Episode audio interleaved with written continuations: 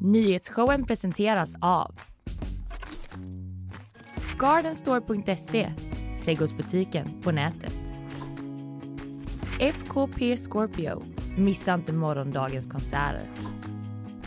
Art Portable, Sveriges marknadsplats för originalkonst. Zcooly, mattespelet som gör kunskap kul.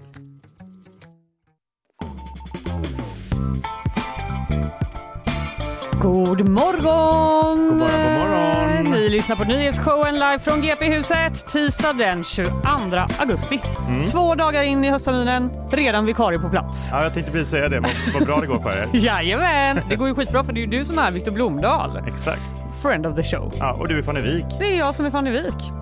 Vi har gjort det här innan tillsammans. Mm. Det gick ju bra då. Team på något sätt. Jag, jag känner det. Ja. Det, är, det här kommer gå hur bra som helst. Du är också redaktör på GPs utlandsredaktion en vanlig dag för de som skulle ha missat de gångerna du redan har hoppat in här. Just det. Och vi har som vanligt ett fullmatat program. Vad har du på agendan? Ja, men jag ska snacka om eh, F16 eh, flygplan som Mm. varit verkligen på tapeten. Det får man säga. Ja, och sen så ska det bli också lite Loch Ness-djur Mhm. ehm, och lite ja, kräftsäsongen kan vara i fara.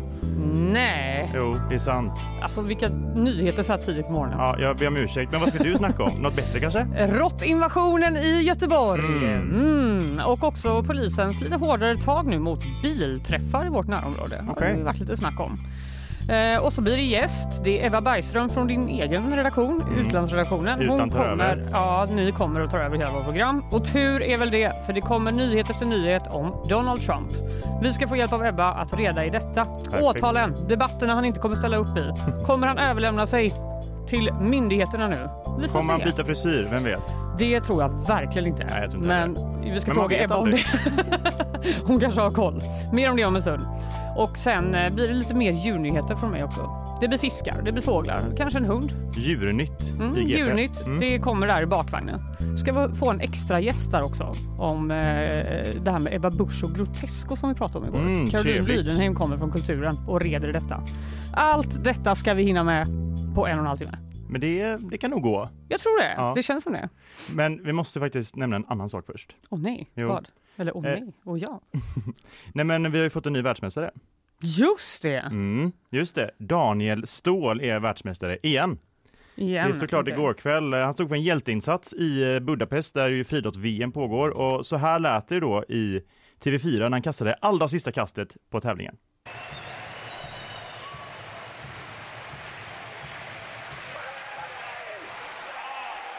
Håller han sig kvar och det är långt! Den flyger förbi! Christian Chess markering och Daniel Ståhl är världsmästare i diskus. Och det är ö, nytt mästerskapsrekord Han och är det längsta som man världsmästare kan... i diskus, sätter dit den i sista kastet. Starkt. Gåshud. Verkligen. Hud av gås. Också bra namn på någon som är bra på diskus tycker jag. Daniel Ståhl. Mm, han Ja. ser verkligen ut som en man som heter Daniel Ståhl. Verkligen. I bara hans... An- äh, även när, när de här kommentatorerna skriker så Ja. ser han är bara så helt stoneface. Mm. Han bara, jag vann. Men det är också otroligt vilken kyla han hade för att han, eh, han låg inte så bra till i början. Nej. Han låg typ åtta sådär, sen kastade han upp sig till andra plats Ja. och eh, typ vid fjärde kastet då, då gick han i ledning Ja. och då blir han sist i ordningen att kasta eh, Aha. inför sista omgången. Och då är det hans ärkerival då, Christian Tjeck, Ja. som inte är från Tjeckien. Dåligt, då, dåligt namn. Hur ska man kunna Han- hålla reda på allt Han är här? från Slovenien. Han i sitt sista kast Mm. slog till med en riktig rökare och kom över 70 meter och då, då kände jag i alla fall, nej men nu är det kört. Det här, det här, det här klarar aldrig stål. Mm. Iskall går han in i ringen och bara drämmer till med 71,46 meter i sista kastet. Det var god marginal han var med dessutom. Ja, men det är så svårt att fatta hur långt det är också. Alltså, kan du kasta så långt? Nej, nej för då hade du varit världsmästare. Alltså jag har inte försökt, Nej. så man vet ju inte. Man jag vet kanske aldrig. kan. Ja, Jag tror inte att diskus är min sport. du tror inte det? Jag kan ju knappt liksom lyfta min dator utan att få typ ont i ryggen. Nej, okej. Nej. Men eh, absolut. Men man måste kanske också ha den, vad ska man säga, kroppshyddan också för att kunna Ja. bära upp det. Eh, så. I alla fall, det var otroligt långt och eh, det är ett av hans bästa resultat han någonsin har kastat. Mm. Så att nytt VM-guld, nytt mästerskapsrekord. Aldrig kastat så långt i ett världsmästerskap innan. Mhm. Ehm, och helt enkelt då eh, ett nytt eh, guld. Och nu börjar han jaga ikapp Carolina Klüft i antalet mästerskapsmedaljer. Nu är han bara en bakom, så att det är en riktig Oj. legend vi har att göra med. Nu svettas hon Mm. där hemma. Rejält. Ja men vad grymt, heja Sverige! Heja Sverige!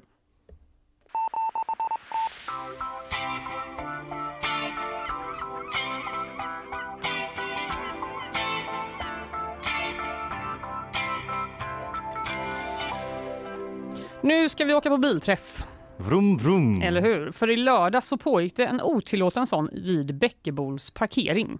Och från början så rapporterades det om att det var en så, här, så kallat street race Just det. som eh, pågick där, det vill säga där man tävlar om att köra jättefort på eh, en actual väg. Men det var inte det, utan det var en helt vanlig bilträff då, där man inte racear mot varandra. Utan man bara visar upp sig eller? Ja, och eh, umgås med, vid sina bilar tror jag. Mm. Men ja, jag är Mysigt. ingen expert, men eh, det är det jag har förstått. Men på det här streetracet då så fanns det en liten hörna som hade spärrats av med ett plastband och där i den här lilla rutan, där höll man på med sån, så kallade burnouts. Mhm.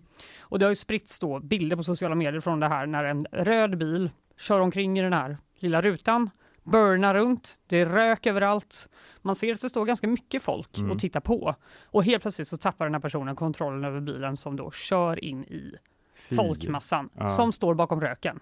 Men man förstår att det är det som händer, Ja. det blir liksom tumult där. Alltså jättekonstigt att det här plastbandet inte skyddade. Jag vet, det var ju så smart av dem att de hade satt upp ett plastband. Ja. Nej, men skämt åsido, det var ju ganska allvarligt för det var fem personer som fick föras, föras till sjukhus efter det här och eh, igår var fortfarande en av de fem allvarligt men inte livshotande skadad. Okej. Den här föraren anhölls och är misstänkt för grov vårdslöshet i trafiken och grovt vållande till kroppsskada. Och eh, P4 Göteborg, de har luskat reda på den här arrangören som i och för sig vill vara anonym i intervjun men som säger att eh, han tar helt avstånd från den här händelsen. Vi vill inte ha massa sladd och burnout eller att någon ska försöka slå något jävla hastighetsrekord. Det vill ha en lugn, städad träff. Träff. De vill ha en lugn och städad träff. Burnout säger man tydligen. Okej. Burnout. Men jag tänker också om de då inte vill ha där, va- varför hade de ett område? Jo, med- det undrar man ju. Ja. Då säger han att arrangörerna kunde inte stoppa den här lilla burnout-rutan eftersom de helt enkelt inte visste om att den fanns. Den här eh, avspärrningen som var var ju i andra änden av parkeringen. Såg ju inte så långt bort. Vi såg att det var lite rök och så gick vi ditåt men då, då var det ju ganska för sent. Det var ju redan i, i full gång liksom. Det var liksom en parkering som var så stor att den liksom gick bortom horisonten eller Va, fan, det är lite rök där Ja. borta. Vad är det som pågår? Det är i och för sig väldigt stort i Bäckebol. Jag vet Ja, inte om de okej. har liksom, eh, jag antar att de använder liksom hela parkeringen Mm. för eh, att göra, ha den här träffen. Men han menar i alla fall att vi, vi är emot det här och vi såg inte att det hände och när vi väl såg det så var det för sent. Mm, Och mm. då fick jag panik, säger han. Men det här köper inte riktigt Daniel Nolander. Han är chef för polisområdet eh, Hisingen. Ja. Han säger till oss på GP att han tycker att arrangören har ett jättestort ansvar för lördagens olycka och säger att polisen nu kommer ta hårdare tag mot den här typen av bilträffar som tydligen är ganska vanliga i vårt närområde. Okej. Det ja. sker oftare och oftare. Traditionellt sett så har de här kommit lindrigt undan, men vi har bestämt oss för att hitta sätt att lagföra arrangören för att få dem att ta sitt ansvar, säger han till oss på GP. Mm. Vad är det för sätt då? Jo, eh, tidigare då vid liknande arrangemang så har polisen då främst bötfällt fortkörare eller typ personer vars bilar haft brister. Att de Mm. är så. Du, den här lampan, Mm. den är ju sönder. Som någon slags avskräckande exempel då antar jag. Just det. Att det ska vara så här. Tror inte att ni bara kan stå här och träffas. Polisen kan ändå dyka upp. Men nu då så, så säger han att eh, rubriceringen eh, kan bli brott mot ordningslagen eftersom de har offentliga träffar utan tillstånd. Ja, men det är ju clever. Det är ju lite hårdare Ja. helt enkelt och det är väl ett sätt att eh, få dem att söka tillstånd i så fall, Mm. tänker jag. Och den här arrangören som vi hörde innan, han säger att nej, det är stor tvek om vi kommer fortsätta genomföra sådana här träffar utan tillstånd nu efter den här olyckan skedde. Kanske är slutburnat i Göteborg. Mm, eller att de får kast, fixa kraftigare plastremsor. Ja, du vet, det är ändå en bil. Ja, jag skojar bara. Men eh, Du bara, man kan bygga en mur ja, på. Bäckebos parkering. Det kanske man kan i och för sig. Ja. Vi får se. Men eh, hårdare tag helt enkelt. Ja, det Från verkar bli sida. inte så mycket burnouts. Inte så mycket burnouts Nej. på ett tag.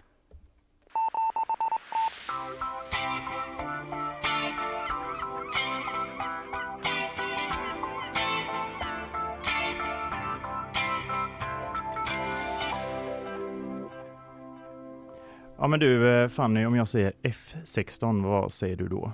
Då eh, tänker jag på igår du tänker på igår? när jag pratade om F16. Det gjorde du Ja. faktiskt. I den här showen! Ja, exakt. Väldigt ytligt. Ja, men Väldigt ytligt. jag tänkte liksom ändå som en liten snygg övergång. Nu har vi liksom hanterat eh, Zelenskyjs, eh, Ukrainas presidents då, besök i Sverige. Mm. Men han har ju varit på en an, liksom, skärmturné i norra Europa egentligen. Mm. Och eh, åkt eh, ju till Danmark bland annat. Det är Just ju det. nära till hands. Mm. Och eh, det är kanske inte så konstigt att han åkte till Danmark. Han har också varit i eh, Nederländerna. Eh, för det är nämligen så att äntligen då, med Mm. ukrainska ögon, Mm. så har Danmark och Nederländerna öppnat på den här otroligt stängda F16-dörren som varit innan. Mm. Eh, vi pratar ju såklart om ett stridsflygplan här. Just det. För nu har ju då både Danmark och Nederländerna gått med på att skicka eh, delar av sina F16 till Ukraina för att hjälpa till i kriget. Mm. Och eh, det är inte en liten sak, utan eh, det är ju ett amerikanskt stridsflyg eh, som ju då eh, USA måste godkänna att andra länder liksom för vidare. Just det, och det var det de har väntat på. De har sagt länge att de vill skicka. Ja, och det har väntats och tjatats och betts om och, och nu då så har, eh, har man eh, gett med sig, eller gett med sig, men man har liksom gått med. Joe Biden och USA har sagt att eh, ja, men vill Danmark och Nederländerna göra detta så feel free. Eh, och eh, det var ju såklart väldigt glada tongångar från ukrainskt håll eh, Ja. kring detta. Men man kan ju undra exakt vad är ett F16 Ja, det vill plan då? Ja, jag läser innantill från Wikipedia. Eh, F16 då, eller även kallat det fulla namnet General Dynamics F16 Fighting Falcon, förkortat F16 Fighting Falcon, eller F16. Även Wow. kallat under det inofficiella smeknamnet Viper.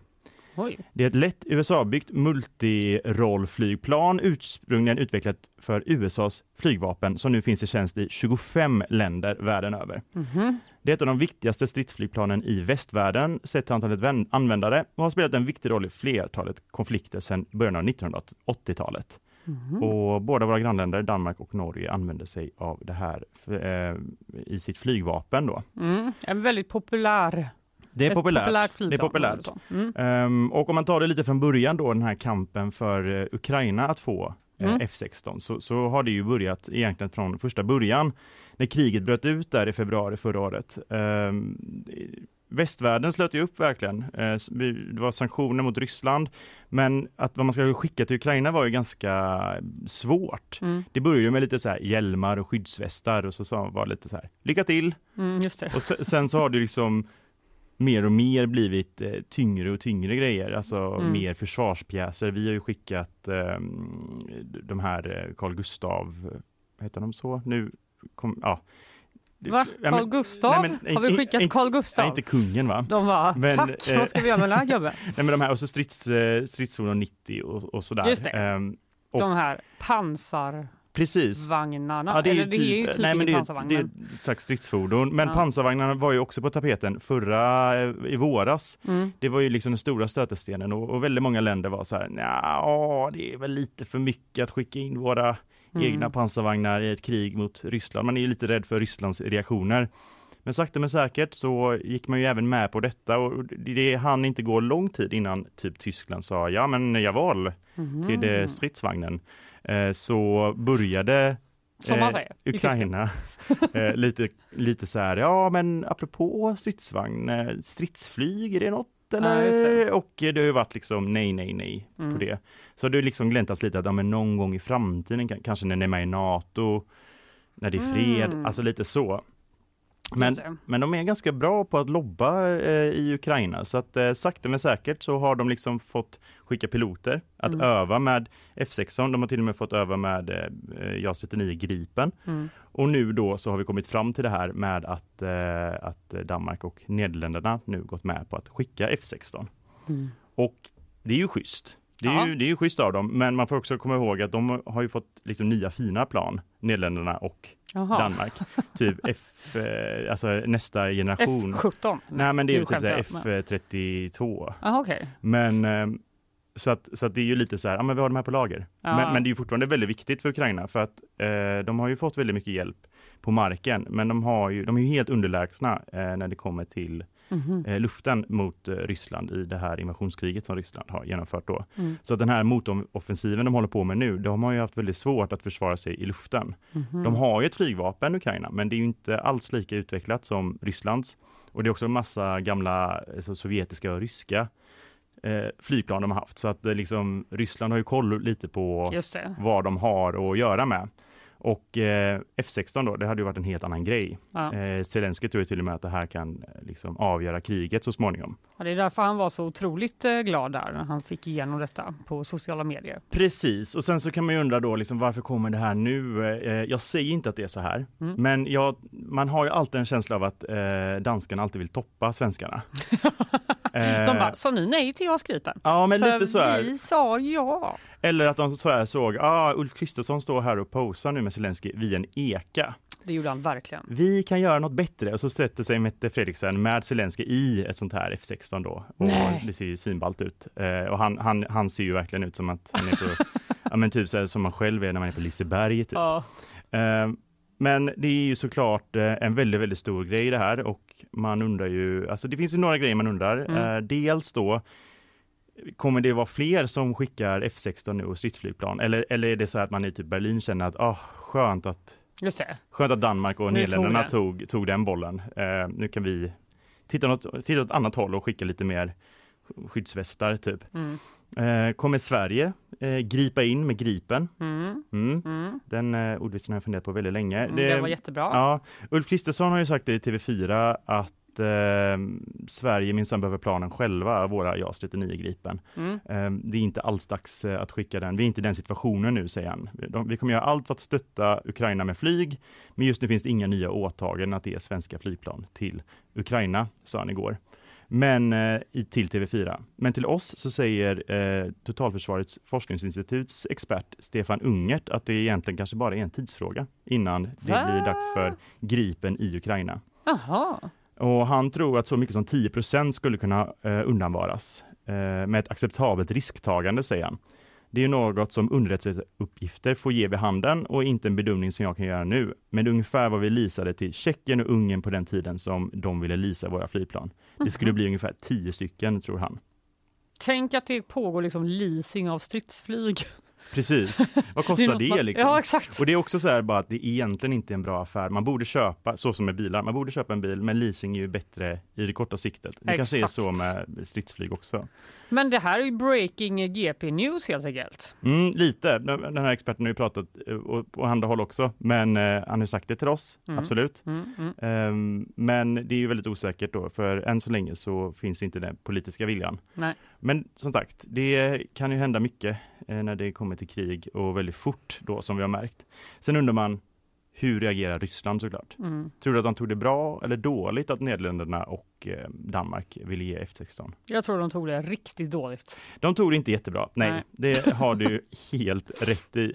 Eh, det var, men, men det har liksom inte varit eh, så att eh, liksom Putin gått ut och bara nu får ni akta er, typ. Så här, nu, nu, skick, nu skickar vi Ja, liksom ju en, en fregatt och hänger utanför Köpenhamn. Nej. Utan det är mer typ så här eh, Rysslands ambassadör till Danmark, eh, Vladimir Barbin, som eh, snackat om det här och han, han menar att eh, nu eskalerar Danmark konflikten genom att donera 19 F16 flyg till Ukraina då som det är, gäller. Mm. Eh, genom att, Dubbelt så många som vi skulle Eh. potentiellt kunna ja, precis. avvara. Så att, eh, det, det är ju satsigt. Mm. Och så säger han också, den här ambassadören, att genom att stötta sig på en premiss om att Ukraina själv ska bestämma förutsättningarna för fred, så lämnar Danmark med sina gärningar och ord Ukraina till att inte ha något val än att fortsätta den militära konfrontationen med Ryssland. Mhm. Så det, är- ja, det är ju taskigt av Danmark att försöka eh, låta Ukraina själv välja när eh, de vill eh, Just det. förhandla om fred. Ja, Det är obror. Eh, verkligen. Hur kunde de? Ja, Orebrorski, som man säger i Kreml. Ehm, ja, Stora skratt här. Ja, ja men det är bra. Det, det, det är skönt att, eh, att det kändes... Jag, jag vågar inte hänga på Nej, ditt, eh, ditt språklingo. Nej, jag, Jag kan inte härma eh, språk. Så jag tycker bara. Jag, alltså, jag, jag ska vara helt ärlig, det där var inte ryska. Nej, Va? så var det. Nej, så ah, var det. ja, okej. I alla fall, eh, det är väl en, den statusuppdateringen jag har om eh, våra F16-flyg. Så bra Ja, uppdatering. vi- Nu känner jag mig upplyst. Det gör det, ja, vad bra. Så återstår det att se om eh, det snart är Gripen som syns över Kiev. Ja, det är det verkligen.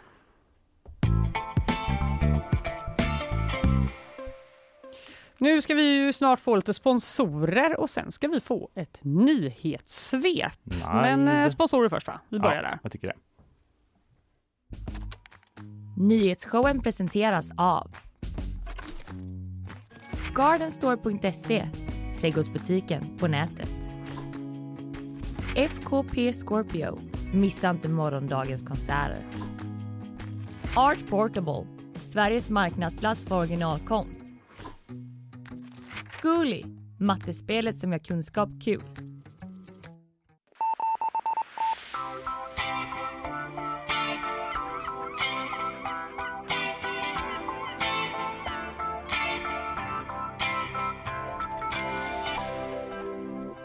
God morgon Kristina!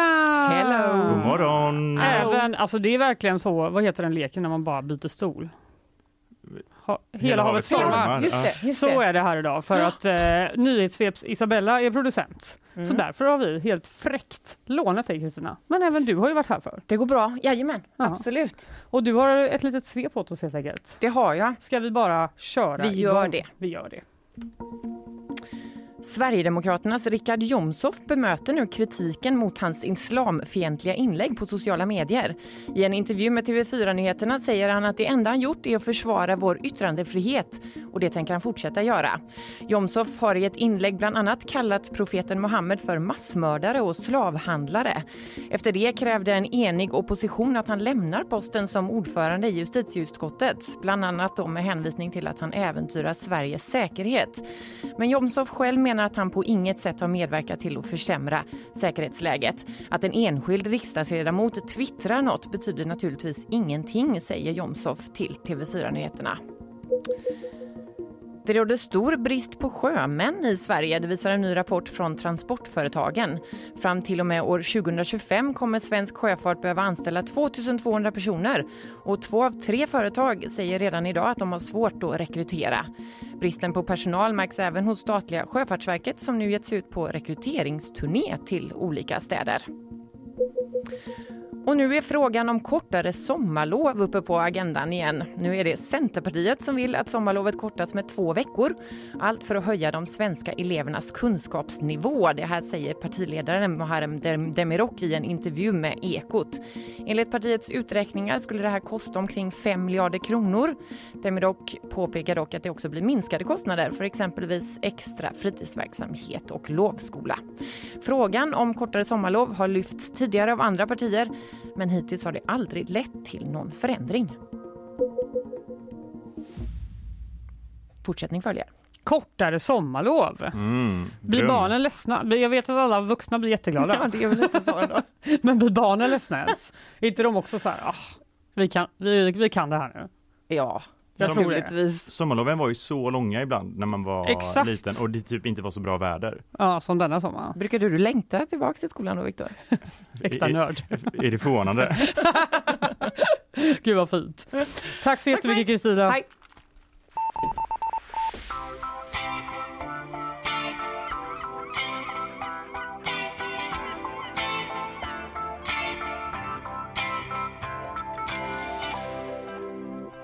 Viktor! Mm. Det fångas över 100 000 råttor om året i Göteborg. Oj, 100 000! Över 100 000.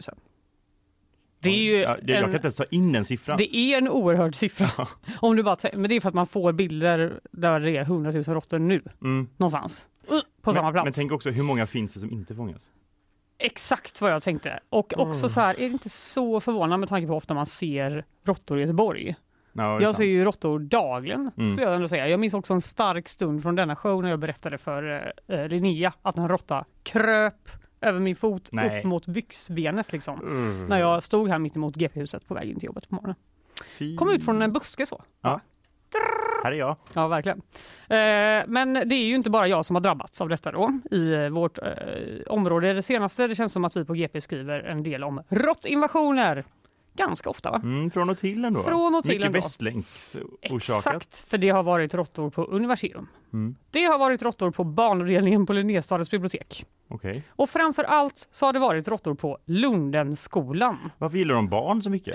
Jag vet inte, Ovanligt. att hatbrott mot barn. Ja, här. verkligen. Ja, Lundenskolan skrev vi på GP fick stänga hela sitt skolkök till följd av eh, då, bygg, alltså, råttinvasion i köket. Det fattar vem som helst. Det, Ja. det kan ju inte barnen Nej. äta sin lilla mat.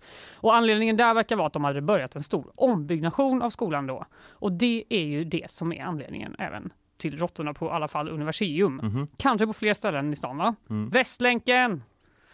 Ja, Ombyggnationernas ombyggnation. Denna, det. Hatobjekt eh, nummer ett för många i vår stad. Men jag tänker bara, hade inte universium kunnat komma undan med råttinvasion? De bara, nej nej, Jo. det är, vadå, det, det nu ska vi lära oss om råttor, typ. Här har vi fångat in massa. Det tycker jag med, men det Ja. stod i vår artikel från, det här var ju förra hösten, ja, nästan ett år sedan, Mm. som eh, de- de hade problem med det. Och då står det så här, Universium, nu eh, har inte artikeln framför mig, men typ så här står det. Ja, okej. Universium har, får, har problem med vilda råttor i sin regnskog. Som att det är så här. De är inte dresserade, de är inte tama, ingen inte? har duschat dem och, eller gett dem mat, utan de har liksom själva hoppat in där med aporna och Mm. fåglarna. Och Trivs de med regnskogsklimat verkligen? fattar inte heller det, det borde vara för varmt för dem. Ja, Men det finns det. väl mat där inne? Gott om förmodligen. Gott om och eh, någon som tar hand om dem. Men eh, nu har vi på GP i alla fall gått till botten med den här. Det finns siffror. Det Mm. finns siffror eh, på hur många råttor fångar vi i Göteborg. 2021 fång, fångade Anticimex 108 569 råttor i Göteborgs kommun. 2022 ännu fler. 120 965. Det är som en, liksom, en liten, en, en medelstor stad. Det är som två Ullevi. Ja, Håkan Hellström på Ullevi, fast med råttpublik. just det. Japp, det är en bild man inte Härligt. vill ha Nej. i sitt huvud. Men eh, en förklaring i alla fall till eh, att det är en sån ökning, det är att det har placerats ut fler fällor. Mm. Det är alltså inte att det är fler råttor per se, det är bara att vi har fångat fler av Okej. dem. Ja, det är ju bra i och för sig. Ja, det är ju bra. Mm. Det är digitala fällor och sensorer som vår stadsmiljöförvaltning verkar ligga bakom. Vi vill ha koll på områdena när problemen återkommer. Mhm. Det säger eh, Rachel Lichtner som är planeringsledare och nedskr- för nedskräpning och skadedjur. Det låter ju jättelämpligt, Mm. Jag Tycker jag. jag stöttar 100 procent. eller hur? Hon säger att eh, råttpopulationen ökar, minskar och flyttar på sig över tid och att de här fällorna är då ett nytt sätt att se på ytan om ett område är hyfsat okej Mm. eller katastrof. Eh, om de, det inte är någon jättemängd då så kan de liksom byta till en annan plats och bara kanske är värre här borta. Mm. Och nu vill vi veta, Ja. var är det flest råttor Exakt. i You read my mind. Eller hur? Eh, mellan december och juni så fångade då Stadsmiljöförvaltningens fällor 760 råttor. Mhm. Absolut flest, 82 stycken, fångades i Askimsbadets fyra fällor. Ja, men varför ska Mm. de bara till sådana ställen? Jag vet inte, för att det är väl där vi människor är va? Jo, jo, Mellan i och för sig. Gå till någon soptipp eller något istället. Men någonting säger mig att de inte har bara satt några fällor på en soptipp. Nej, kanske. bara, kanske. här kan det faktiskt vara. Mm. Eh, under samma period då så fångade man 70 råttor vid Domkyrkan, Mhm. nästan lika många. Och eh, 59 vid Olof Viksgatan i Lorensberg som är där nära Näckrosdammen. Just det. Västlänken. Mm. Japp. Japp. Eh, det rör sig i alla fall väldigt mycket folk i dessa områden och det medför ofta nedskräpning. Mm. Det är, då har råttorna gott om mat och därför jobbar eh, jag även med hur vi kan minska nedskräpningen, säger eh, Rachel Lichtner. Så praktiskt då att hon är ansvarig för både nedskräpning och, och Ja, skadedjur. det är en bra kombo. Ja, de bara, "Ah, du får faktiskt Mm. ta båda de här områdena. Det hade varit jobbigt om det var så här, skolförvaltningen och råttor, för då hade hon ju blivit misstänkt, tänker jag. De bara, är det för att du inte vill Ja. åka till två ställen varje dag och arbeta? Vi bara vara i skolan, Mm. Visst, vi har sagt att du ska effektivisera ditt jobb, absolut, men inte på den här nivån. nej. I och för sig att eh, det verkar som att det är barn de s- riktar in sig på, råttorna, Mm. ändå. Så det hade kanske också funkat. Ja, det, faktiskt. med den kombinationen. Hon säger också så här, på stora badplatser som Askimsbadet då, så placerar kommunen nu ut containrar över eh, utöver papperskorgarna som hon tycker att man kan använda. Eller om man har en picknick i en park, släng skräpet i en papperskorg. Mhm. Ja, vad händer om papperskorgen är överfull då? Jo, då kan man gå en bit till nästa, säger hon. Ja, Mm. praktiskt. Eller ska man tömma papperskorgen Mm. om man är i kommunen. Ännu mer praktiskt. Just saying. Hon avråder också starkt från att lämna skräp bredvid en papperskorg. Jo, jo. Eh, även om det känns eh, bättre eh, än att, eh, lämna, alltså, att lägga dem bredvid papperskorgen. Mm. För att det är inte bara som att gå därifrån om man sitter och picknickar. Nej, nej, det är De inte, ändå gjort inte riktigt samma sak. Om man inte har picknickat precis bredvid papperskorgen, då är det och exakt då samma sak. har man andra problem. Helt andra jag. problem. Eh, men hon säger så här, det lockar till sig fåglar, de river upp alla sopsäckar och det, ni får ta hem ert skräp och återvinna det.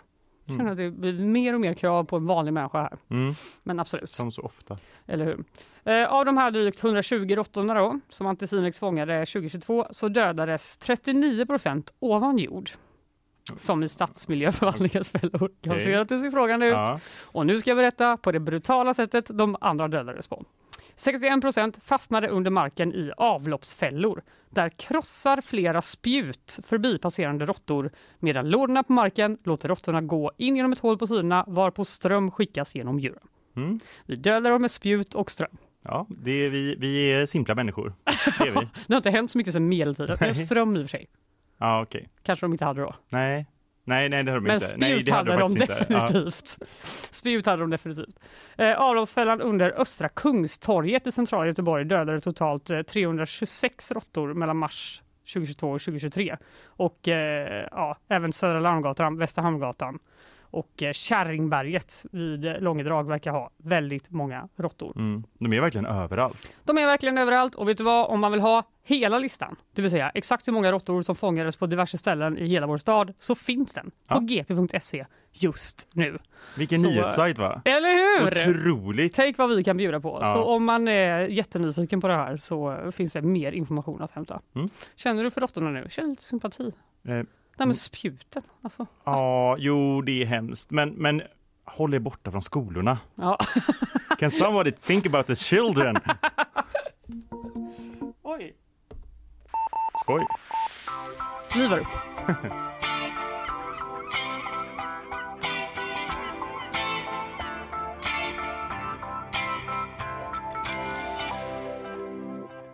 Ja, vi tuggar vidare vet du. Nu är det Mm. sponsorer. Sen får vi ju in Ebba Bergström och vi ska prata Trump, Trump, Trump. Och jag behöver veta allt. Ja, jag vill veta allt också. Mm. Vi, tur att hon kommer. Trumptastic. Nyhetsshowen presenteras av Gardenstore.se, trädgårdsbutiken på nätet. FKP Scorpio, missa inte morgondagens konserter. Art Portable, Sveriges marknadsplats för originalkonst. Zcooly, mattespelet som gör kunskap kul. Igår kom nyheten om att Donald Trump inte kommer att ställa upp i Republikanernas första primärvalsdebatt som alltså hålls imorgon onsdag. Och i natt kom ännu fler nyheter. Trump säger att han planerar att överlämna sig själv till myndigheterna i Georgia på torsdag. Och sen i våras så har ju fyra åtal väckts mot honom. Det senaste handlar just om ett telefonsamtal där han anklagas för att ha försökt påverka valresultatet i Georgia 2020. Och med oss för att reda ut det här, allt allt, allt, allt. Allt, allt, allt. Detta är Ebba Bergström, utrikesreporter här på GP. Välkommen! Tack så mycket. Inte en lugn stund som eh, någon som måste hålla koll på Trump. Nej, Nej. det är sällan så. Men det är även så, amerikansk politik är som ett, ett monster som aldrig slutar oavsett vem du följer. Så det- Ja, så kan det vara. Men det känns som att Trump, jag har liksom zonat ut lite i sommar, men det känns som att han ploppar upp hela tiden. Gud, ja. Ja, ska vi börja med igår? Ja, låt Börja med oss, låt oss och så jobbar vi oss bakåt sen. Ja, Exakt. Det låter bra. Inga primärvalsdebatter för Trump vad det verkar helt enkelt. Varför har han fattat det beslutet? Det är lite svårt att veta exakt. Det kan vara värt att påpeka att han har än så länge bara sagt nej till den här första debatten. Det. Eh, det är mycket, mycket möjligt att han skippar allihopa, men vi vet inte det i nuläget. Eh, Det återstår Mm. att se. Eh, Det har spekulerats lite om att den här första nobben kan vara riktad mot Fox News. De har ju, deras förhållande har ju fallerat lite. Ja, Sen vad har hänt med slutade. det? Ja, det är väl... eh, Mm. Dels så fick vi ju se de här smsen som, eh, och meddelandena som skickades internt inom Fox i samband med en stämning tidigare i våras. Där Mm. bland annat många medarbetare kanske eh, visade sig inte tycka så mycket om honom personligen och kanske var lite tveksamma till strategin att, att vara en liksom, megafon för honom. Just. Ehm, och sen han inte var president längre så kan jag väl tänka mig att Fox News inte tjänar lika mycket på att bara följa hans Mm. liksom pipa längre. Så man Mm. har liksom rapporterat ganska positivt om Ron DeSantis och andra eh, som nu är liksom motståndare till Trump kan man väl nästan säga. Och det har Trump inte uppskattat så mycket. Då kunde de Ja. Ja. rapportera om fler kandidater Eller än bara hur? honom. Vilket svek. Eh, Mm. Så att då, den, den relationen verkar skava lite. Exakt varför är svårt att veta, men det, de är inte kompisar på samma sätt längre. Eh, Så vissa säger att det här bara är en, en nobb mot Fox helt enkelt, att, man försöker, att han försöker göra något annat för att ta den uppmärksamheten från deras debatt så att säga. Ah. Med den här debatten då, jag som inte har koll, eh, liksom, vad, vad är det som är så viktigt med den här och behöver han den här debatten? Det vet jag inte om han behöver. Det får vi väl se när resultaten kommer in sen. Men det är ju den första debatten för primärvalen bland republikanerna. Så det är ju egentligen en möjlighet för republikanernas alla olika kandidater att mötas och säga vad de tycker och liksom profilera sig. Eh, Trump själv menar ju att han liksom det är under honom att ens vara med. Han behöver inte det. Han leder redan jättemycket i alla undersökningar kring stöd för republikaner. Eh, han, hans liksom närmaste motståndare Ron DeSantis ligger fortfarande liksom 20 poäng bakom tror jag, eller procentenheter bakom. Mm. Um, så det kan ju vara, Trump kanske har rätt i att han inte behöver vara här och synas med de här människorna som ändå inte kommer spela någon roll om ett år. Um, men man vet ju inte om det, om man slutar med alla debatter så kanske han tappar Just det. fart helt och hållet. Det återstår. Han kanske bara ville markera lite sin eh, excellens helt enkelt. Mycket möjligt. Men om vi backar lite bandet då. Fyra åtal har alltså kommit mot Donald Trump nu. Kan vi försöka sammanfatta dem lite kort vad de gäller? Ja, det är tre av dem kan man väl säga handlar om, eller två av dem handlar om hans eh, agerande efter valresultatet. Ett handlar om hans agerande efter att han var president och ett är innan han ens var vald. Eh, så det första åtalet som väcktes var det här i New York med eh, mutpengarna till Stormy Daniels. Det var ju en stor skandal innan han ens valdes. Det har hållit på hur länge som helst. Mm. Eh, och då är det egentligen inte mutan utan att man har liksom skrivit in falskheter i dokument inom företag. Det är liksom ganska Mhm. tekniskt åtal. Mm. Eh, som mer handlar om att han försökte dölja den här Någon slags mutan. bokföringsskandal. Precis, ett bokföringsbrott kan man väl säga. Mm. Sen har vi de här hemliga dokumenten som hittades i Mar-a-Lago. Ehm, där det är hemligstämplade dokument som han fick med sig efter att han var president. Mm. Eh, något som inte är helt ovanligt, det händer de flesta, att man får med sig lite. Ja, jag tänkte det, Saker för, det har väl varit snack om typ Joe Biden och Mike Pence och så också. Ja, efter att man började dra i det här så har det visat sig att så gott som varenda människa som har haft en position i Vita huset har fått med sig dokument. Och det är väl inte jättesvårt att tänka sig det. Man slutar ett jobb och så har man en väska och så råkar det ligga ett papper kvar. Mm. Det är typ att man bara, jag sorterar det sen. Ja men precis. Så tar man bara Eh. hem det, ställer i duschen eller vad nu Trump har gjort. Ja. Som man gör. Sätter Ja. i badrummet alla mina gamla Ja, arbetspapper. exakt. Eh, ja, det som är skillnaden med Trump då som gör det faktiskt lätt till ett åtal till skillnad från tidigare är ju att han inte lämnade tillbaks när myndigheterna kom och sa att så, du har de här papperna, vi vet det.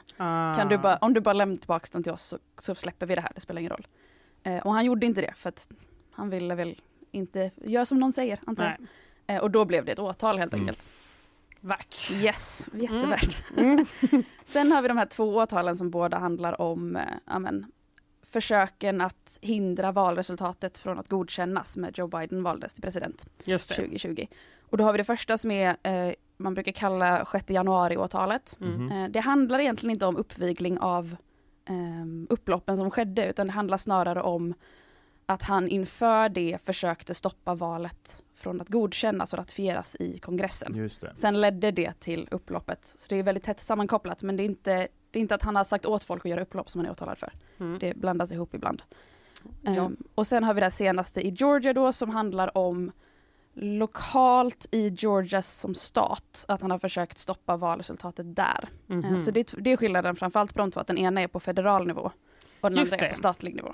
Det är helt enkelt, men vad innebär skill- skillnaden på det, på de, eh, alltså federal och riksnivå? Ja, alltså i USA så har man ju statliga lagar och federala lagar. Alltså Ja. alltid man har två olika rätts, eller massa olika rättssystem för att du kan bryta mot en lag i en stat, du kan bryta mot en federal lag. Mm. Federala lagar brukar handla om sånt som har med federala myndigheter att göra. Det kan vara posten, flyg, eh, skatt och sånt är federala brott. Eh, och det kan vara brott som sker över statliga gränser. Alltså om du kanske, det hör man ju i alla sådana krimserier när FBI blir involverat för att någon har mördat på två sidor om en Just det, gräns. för att liksom. FBI är ju då, just det. Federal feder- Bureau of exakt, Investigation, så de det. jobbar bara med federala brott. Jag älskar när det tänds en liten lampa i huvudet på hur? en. Man bara ah! Yes, så det är liksom den stora vanliga skillnaden. Alltså det är alltid skillnad på de två, det är två olika rättssystem. Eller tre- två olika rättsväsenden ska man väl snarare säga. Just Det är det. samma system. Men det som spelar roll i de här fallen är att det är olika personer som har makt att benåda eller lägga ner fall beroende på om det är federalt eller statligt. Mhm. Ehm, så det som man väl tror att Trump vill är ju att eh, han ska få makten först innan han döms för någonting. Eller om han har dömts för någonting i de federala fallen, att han bara kan benåda sig själv. Mhm. Ehm, för att han har den makten och om det inte kommit den domen så har han makten att utse en justitieminister som kan lägga ner fallen. Fräscht. Mm. Ja. På de statliga åtalen så har inte han den makten överhuvudtaget. Han har ingen, ingen kontroll där. Så för honom är det ganska stor skillnad helt enkelt. Ja, för hans del så är det väldigt stor skillnad. Sen är det ju, alltså man har ju aldrig haft åtal mot en sittande president på det här sättet. Det är väldigt, väldigt mycket nytt i allt det här. Mm. Eh, så det finns väl de som menar att man kanske inte kan gå vidare med de statliga fallen heller när han sitter vid makten. Mm. Men då kan ju de ligga och Mm. puttra tills han är klar antar jag. Just det, det har ju puttrats förr va? Ja men precis. Men då är det alltså bokföringsbrott, det är, att han har undanhållit hemligstämplade dokument, det är den här uppviglingen till stormningen av Kapitolium och eh, de här telefonsamtalen att försöka påverka valresultatet då. Är det någon av de här som är avslutade? Eller alla Nej, pågår? inga av dem ens påbörjade kan man väl säga, alltså som rättegångar. Nej, Eh, alla har ju, åtal har väckts i alla. Mm. Eh, De tidigaste datumen vi har är att den här eh, åtalet i New York ska gå till rättegång i, i mars nästa år. Mm. Även hemliga dokumenten har fått ett datum i maj och man hoppas väl att båda 6 januari och Georgia ska komma igång i vår. Men det är ju väldigt mycket rättegång för vem som helst, Mm. de här fyra fallen. Och för en presidentkandidat som liksom vill kampanja så är det ju väldigt, väldigt tajt schema. Eh, Så det finns väl många som tror att framförallt Trumps egna eh, advokater kommer försöka ja, men, skjuta det här framåt för att det är väl lättare att kampanja utan att ha en dom emot sig. Så om han kan skjuta upp det här tills efter valet eller tills, ja de hoppas väl Mm. på att han själv ska bli vald. Så Mm. man kan trolla bort det. Det kan man ju förstå, det här med en hektisk vår. Det har man ju själv genomgått, men kanske inte riktigt på det, Det här här är sättet. en helt annan Det är en helt annan liga, ja. Ja. Precis, det är liksom Ja, det är värt att veta att Champions de- League och Ja. ens egna vår är typ division 4. Ja, det är skönt att man kan ligga i lä Ja. ibland.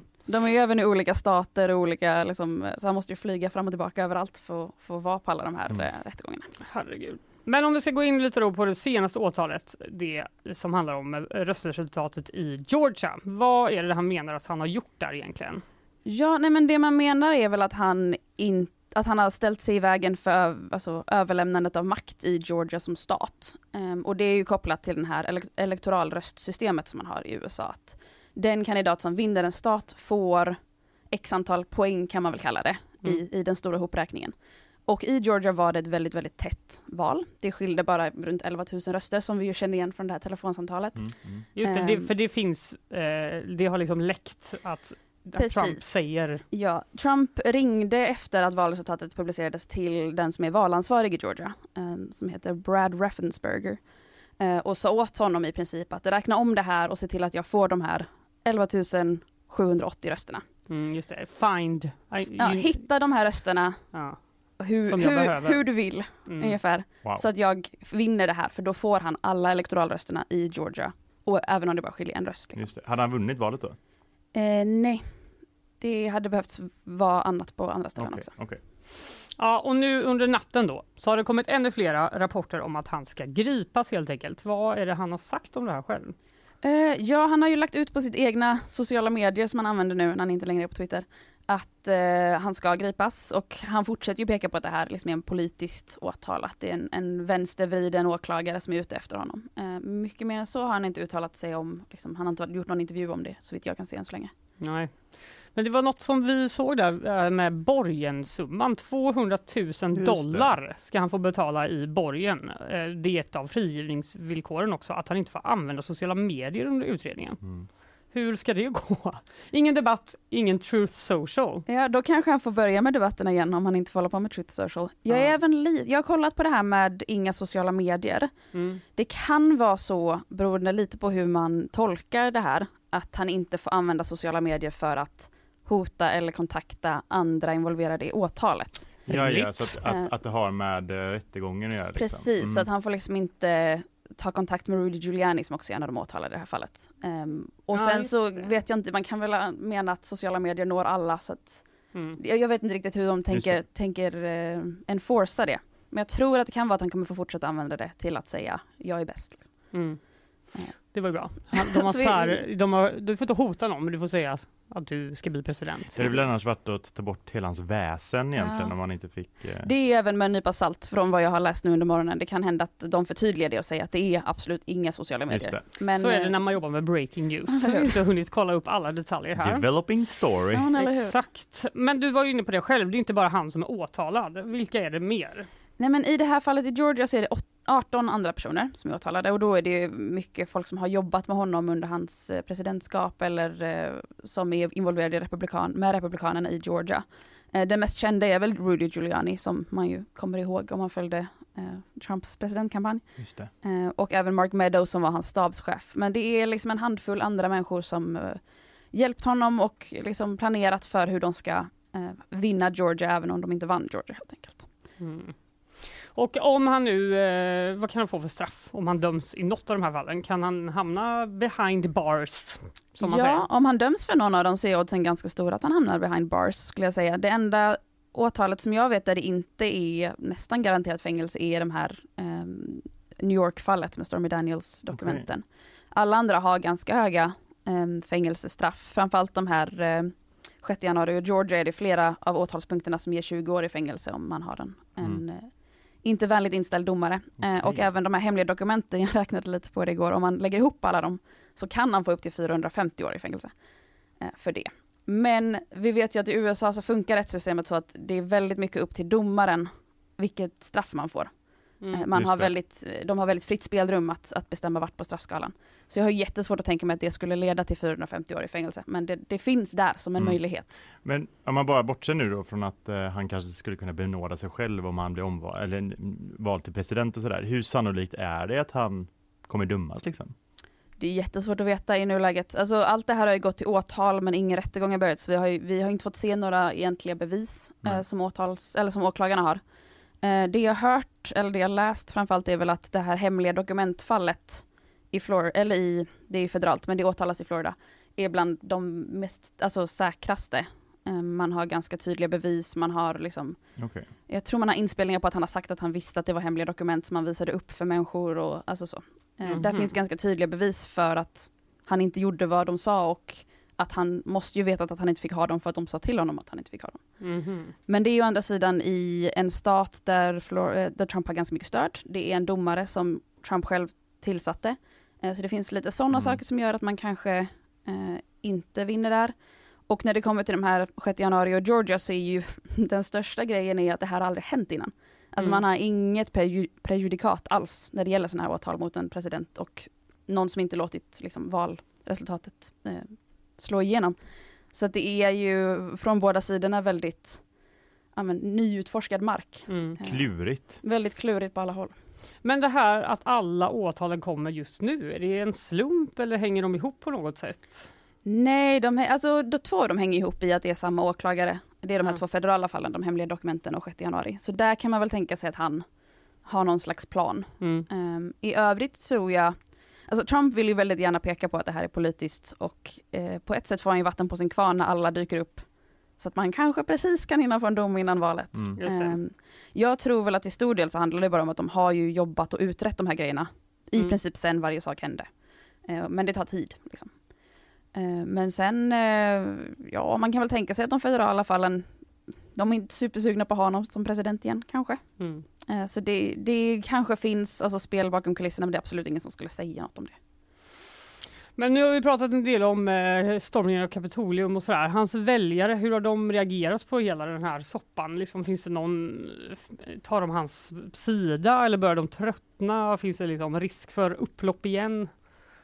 Ja, alltså om man kollar på Republikanerna, alltså de som ska välja honom nu första omgången i, ehm, i valen som är nu. Där verkar det som att nästan varje åtal som väcks ger honom mer stöd.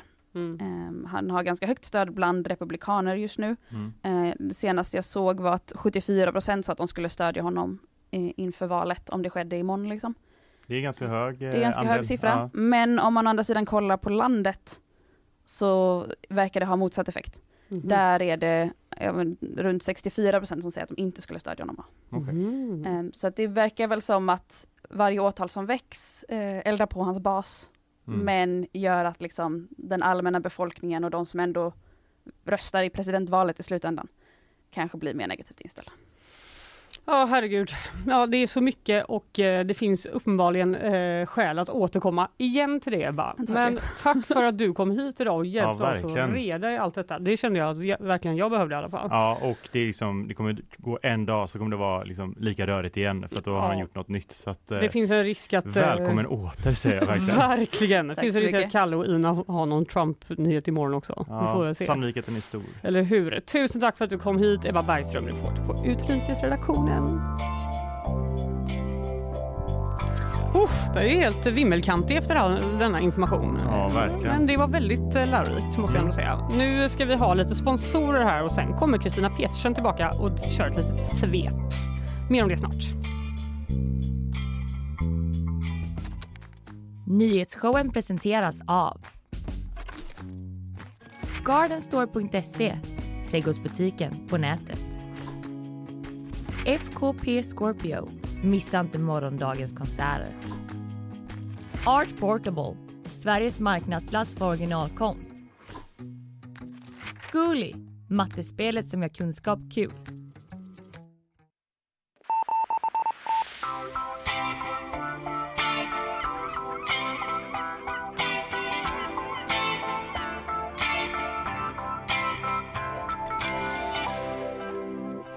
Nu, nu är vi redo för lite kortnyheter va? Mm. Det känns som att eh, Kristina Petersen, hon är redo hon med. Det är verkligen. extremt redo ut. Vi kör. Sverigedemokraternas Richard Jomshof bemöter nu kritiken mot hans islamfientliga inlägg på sociala medier. I en intervju med TV4 Nyheterna säger han att det enda han gjort är att försvara vår yttrandefrihet och det tänker han fortsätta göra. Jomshof har i ett inlägg bland annat kallat profeten, profeten Mohammed för massmördare och slavhandlare. Efter det krävde oppositionen att han lämnar posten som ordförande i justitieutskottet, bland annat med hänvisning till att han äventyrar Sveriges säkerhet. Men det här tycker Jomshof är befängt. Att en enskild riksdagsledamot twittrar något betyder naturligtvis ingenting, säger Jomshof till TV4 Nyheterna. Det råder stor brist på sjömän i Sverige. Det visar en ny rapport från Transportföretagen. Fram till och med år 2025 kommer svensk sjöfart behöva anställa 2 200 personer och det är en kraftig ökning jämfört med en tidigare undersökning. Två av tre företag säger redan idag att de har svårt att rekrytera och nu vill transportföretagen bland annat göra det möjligt för fler att gå yrkesutbildningar. Och frågan om kortare sommarlov är uppe på agendan igen. Nu är det Centerpartiet som vill att sommarlovet kortas med två veckor. Allt för att höja de svenska elevernas kunskapsnivå. Det här säger partiledaren Muharrem Demirok i en intervju med Ekot. Enligt Centerpartiets uträkningar skulle det här förslaget kosta omkring 5 miljarder kronor. Demirok påpekar dock att det också blir minskade kostnader för exempelvis extra fritidsverksamhet. Frågan om kortare sommarlov har lyfts tidigare av andra partier. Hittills har det aldrig lett till någon förändring. Sjöman, Mm. något du hade kunnat tänka dig? Men en bra plan B kanske? Ja, jag tror att Kristina hade varit en bra sjöman Tror du det? slash kvinna. Ja, du har ju båtvana. Men du en bra kapten tror jag. Mm, verkligen. Kunna skrika order och liksom så här. Tydlig röst. Ja. Tack för idag Kristina.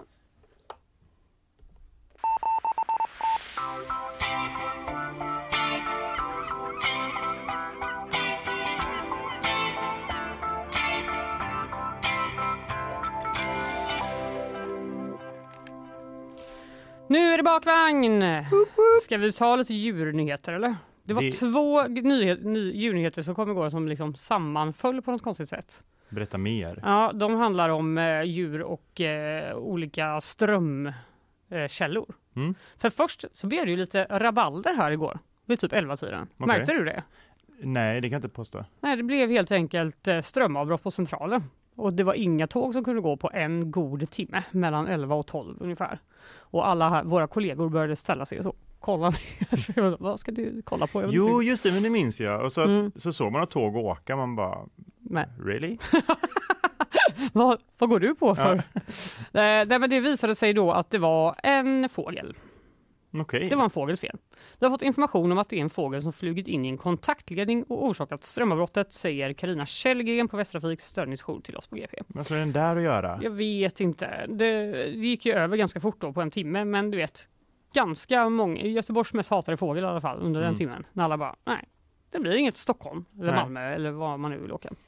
Eh, och samtidigt någon helt annanstans, nämligen New Jersey, så drabbades 2000 boende förra veckan av ett elavbrott som varade i två timmar, dubbelt så lång tid. Mm. Och vems fel var det då? Ja, det var en fisk. Va? Japp. Strömavbrottet, då, eller? nej, så här står det. Strömavbrottet ska ha orsakats av en fisk som på något sätt hamnat på en transformator och lyckats ha sönder den. Det här känns ju liksom, Alltså det, det här låter som någon sån här Disney-film eller så här, ja du vet så här. Också, ett, hur kom, hur kom den dit? Och två, bara nu ska jag, alltså det, det är klart att jag inte tänkte att den skulle göra sönder, men det, det är liksom, man får ju bilder i huvudet va? Ja, verkligen. Eh, som tur är så är de lite, den här lite torrare Västtrafikspersonen hade kanske inte fått jobb på i USA, för de, där har de gått igång på detta. Eh, på sin Facebook-sida så identifierade Surville Police Department skämtsamt offret, alltså I guess fisken då, som Gillian, en hårt arbetande familjefar som lämnar efter sig tusentals barn. Oj, Pigga fiskar och många ja, var, just det. Men, antar jag. Mm. Men återigen, hur hamnar den på en transformator? Jo, men det har ju polisen då eh, försökt reda ut. Ja. Eh, och då verkar det som att eh, det lokala elbolaget Jersey Central Power and Light tror att det var en fiskljuse. Det är alltså en fågel. Ja just det. Mm. Eh, som låg bakom den här händelsen och eh, det här området har enligt Chris Heinig, talesperson på elbolaget, en väldigt stor fiskljusepopulation. Oj då. Ja, eh, till skillnad från polisen då så känner han lite mer sympati med fågeln som har gjort det här. Om du någonsin tappar din glass när du har varit på nöjespark så vet du hur det känns. Mm. Den Ja. flög alltså där med sin middag. Den tappade sin fisk som måste ha varit ganska stor på en transformator. 2000 människor fick ingen ström. Å andra sidan, då fick den kanske en lite god friterad fisk sen. Ja, det är sant. Ja. Den kanske bara Nice! så är det mycket, mycket, mycket möjligt att det är. Eh, Chris Heinig säger också att det inte alls är ovanligt att djur orsakar strömavbrott, men det är vanligare med ekorrar än med fiskar. Mm. Det, det kan jag förstå ändå. jag vet. Men också ekorrar, ja de kanske tuggar sönder något, jag vet inte. Ja, eller typ så här, jag vet inte, kanske faller från gren. Jag vet, ja. Faller från, det är ju i och för sig så Mm. visan, Visan går. går ju så. Ja, jag tror att du har Fast rätt. det är en lite mer morbida visan kanske. Ja, exakt. Grillad ekorre slash fisk. Ja. ja, så kan det gå. Bara så ni vet om det blir strömavbrott. Det kan vara en fisks fel.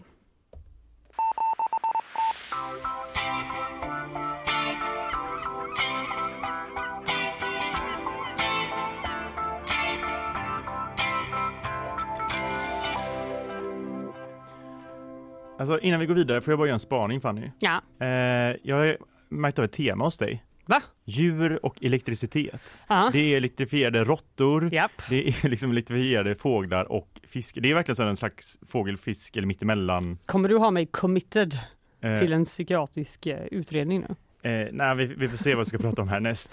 Men, Jag har fler djurnyheter alltså vill jag bara. ja, Men och ingen, jo, jo det var död där med faktiskt. jag är väldigt glad att du nämner djur, för jag tänker fortsätta på det temat.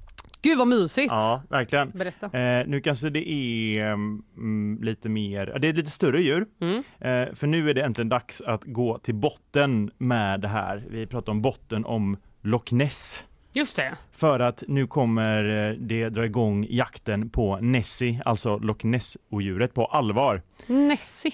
Ja. Vad gulligt. Ja, det är lite så smeknamn för Ja. Loch Ness-odjuret där Ja. uppe i Skottland.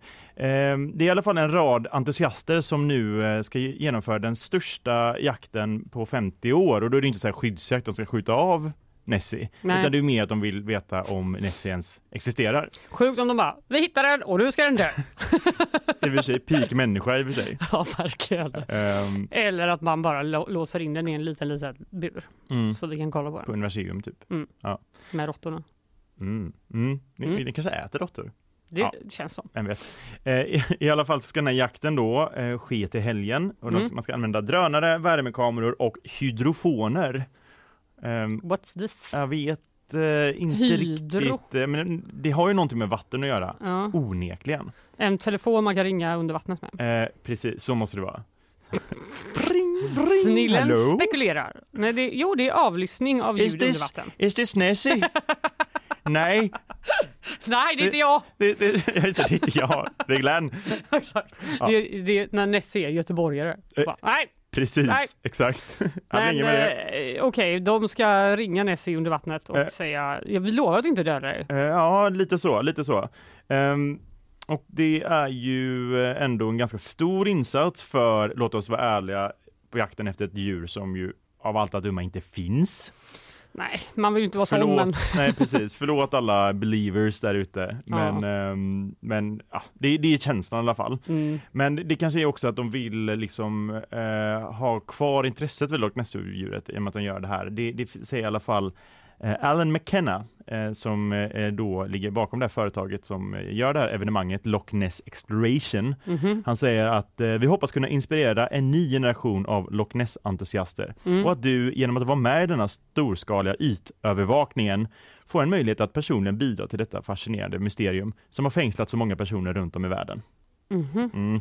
mhm. Det känns som en eh, PR-grej då. Det känns ju verkligen som det och jag blev lite besviken när jag läste, det var ju vi på GP som har skrivit om det här bland annat, Mm. eh, som så många andra. Mm. Men eh, legenden om Loch Ness-djuret, jag tänkte att den skulle vara liksom, eh, liksom från fablernas tid, alltså typ att man pratat om det under gamla, typ Mm. eh, liksom innan eh, det ens var Storbritannien liksom och det var massa stammar som hängde där. Men det är inte så. Det är inte så. För- Viss, förvisso i, på medeltiden så har det liksom skrivits om odjur som finns liksom i norra delen av Skottland och att det, det kan förekomma. Ja. Men det är först 1934, eh, nej, säger jag rätt nu verkligen? Ja, jo precis, eh, det på 1930-talet där Mhm. som de första spaningarna gör.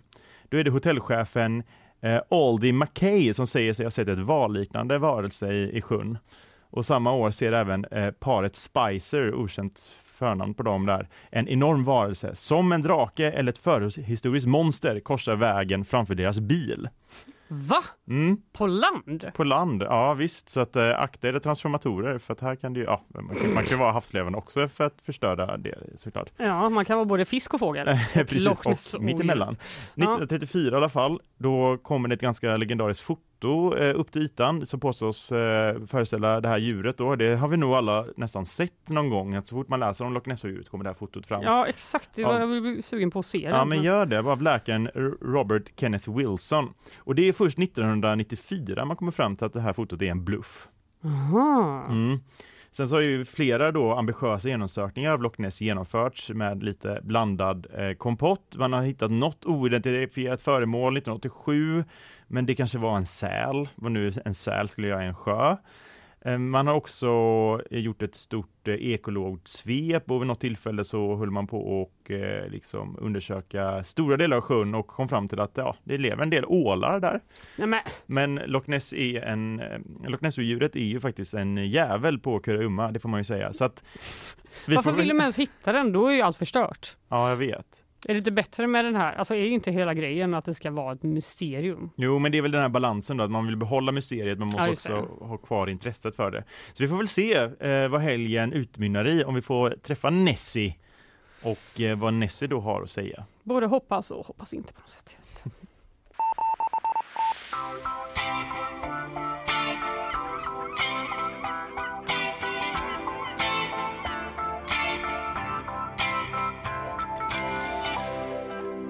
Nu ska vi få en gäst till. Så himla trevligt. Ja, så Kommer mysigt. rätt ut från verkligheten in i studion. Caroline Widenheim. Woho! God morgon! Hello, hello! Från kulturen. Från kulturen till nyhetsshowen. Jajamän. En resa du gjort för.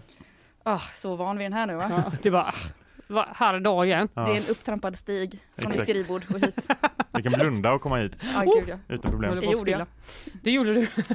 Du har precis eh, kommit till jobbet. Det är det första, det är det första du gör idag helt enkelt. Ja, det är det verkligen. Ja, men nu ska jag förklara varför för våra lyssnare varför du ens är här. Mm. Kanske är bra. För igår så pratade vi om eh, Ebba Busch och att hon tycker att det är hyckleri att fördöma koranbränningarna om man inte samtidigt då rasar lika mycket mot Grotesco-gänget. Eh, Ebba Busch tog nämligen i sitt sommartal indirekt upp Grotesco-låten Du ska aldrig runka bulle och hur den driver med kristendomen. Ja. Eh, nu har Grotesco svarat på den här kritiken från Ebba Busch, eller vad man ska säga. Eh, och eh, den som snackade med Micke Lindgren som då är en Grotesco-medlem som sjunger låten, eh, är med oss nu. Det var ju du Karo. Ja, Välkommen. eh, tack. Du bara igen? Du ringde upp honom. Men vad sa Eh, han? Jag ringde, först svarade han inte, så skickade ett sms och då eh, gjorde jag en miss som man inte får göra som reporter. Oj, får vi lära oss något också? Mm. Spännande. Jag antog att han kände till det här. För det hade varit runt på Ah. Twitter och du vet jag bara någon han känner har ju sagt det här till honom. Bara, "Hö, hö, hö, har du sett Ja. Ebba Busch Grotesco? Men han hade ingen aning. Oj, Du breakade the news Så för honom. för honom. det är i och för sig ditt jobb också. Så, ah, lite så va? Ja. Men du skrev bara, du har du någon kommentar på det här? Som Ja Ebba precis, bara, det här med att Ebba Busch tog upp eh, Runka Bulle. Typ. Han bara, så ringer han upp och bara, va, va, eh, va, vad sa du? Va, jag, Väldigt effektivt sätt att få honom att ringa tillbaka till en dock. verkligen. Att han så, verkligen ville veta vad så du först, menade. ja, men när han ringde upp så snabbt så tänkte jag, gud, han har verkligen något att säga. Mm. Han har legat och filat hela natten och bara, nu jävlar kommer drapan. Och han bara, va? Men gud! Vad är detta? Och så bara de får tänka en kvart och så ringde han upp igen och bara, alltså jag, Det var ändå lite fint att han bad om en, en stund. Ja, otroligt. ja, Att samla sig på. ja men det här är ju, men han är ju själv manusförfattare, producent, han vill formulera sig bra. Det ska Ja, vara just det. korrekt, liksom. det ska vara putsat. Ja, herregud. Men eh, du fick helt enkelt återge eh, Ebba Buschs citat för honom. Precis. Eh, och, eh, Vilket ju gjorde själva intervjun ännu mer bisarr, för ni kan tänka er hur det är att liksom läsa upp det här talet ja, för upphovsmannen till de här sketcherna. Han är ju också med i, det nämns ju två sketcher, eller refereras ju till Ja, två just det. sketcher. just Just det. det. Den andra var Kuk i hatt med Mm. Per Andersson, Mm. eh, som Micke Lindgren var med och gjorde. Aha, som Eh. av en händelse så är han inblandad i båda de här grejerna. Han är dubbelt utpekad här som eh, det värsta som har hänt kristna. Just På det. den här sidan. Eh, Hon hade ju tre exempel i det här talet. Ja. Som ju var lite, alltså hon sa ju inte grotesko de jävlarna. Utan hon var ju väldigt så, vad var ni ett datum då och då? När SVT sände. Ja, Det var väldigt mycket så här SVT va? Precis, det var att båda de här sketcherna sänds i SVT. Mm.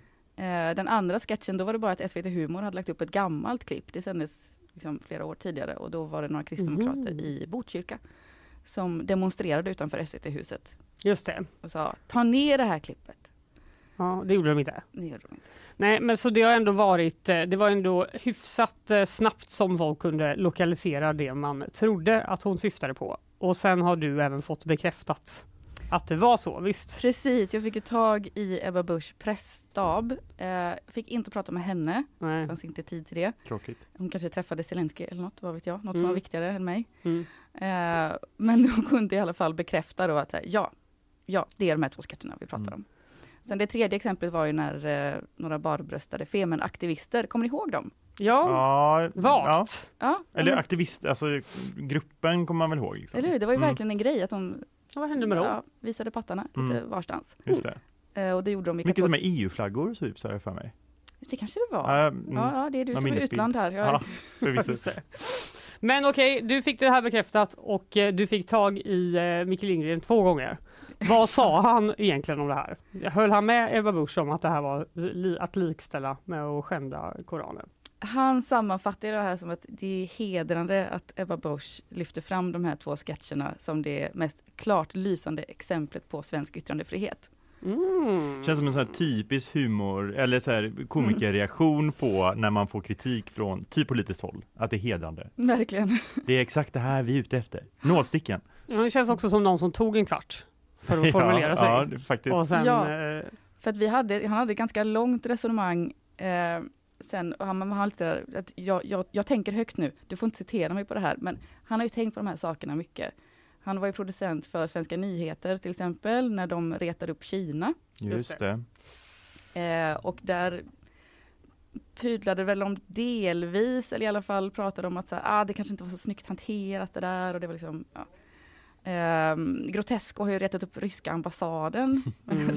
Just Ryska- Tingeling ryska versionen av Tingeling. ja, det minns vi. Ja. Det blev glädje. ett liv. Ja, ja, verkligen. Ja, han är van vid att reta upp folk helt enkelt. Precis, nej, men så han hade många resonemang om sådär, bara, ja men det är klart när man gör saker i en nationell kontext så, så här, humor är väldigt mycket kontextberoende, det är en sak i nationell kontext, det blir något annat. När Mm. klipp sprids så blir det internationella, det får helt andra efterverkningar.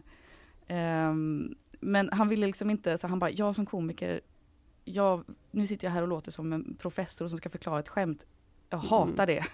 Ja, det är väl det värsta en Så att han komiker. ville, ja, så han ville verkligen inte gå in och, liksom och recensera sina gamla, så här, det är en 15 år gammal sketch som Ja. refererar till. En revival för Grotesco har det här blivit kan man säga. I alla fall i mina flöden. ja. Ja, helt klart.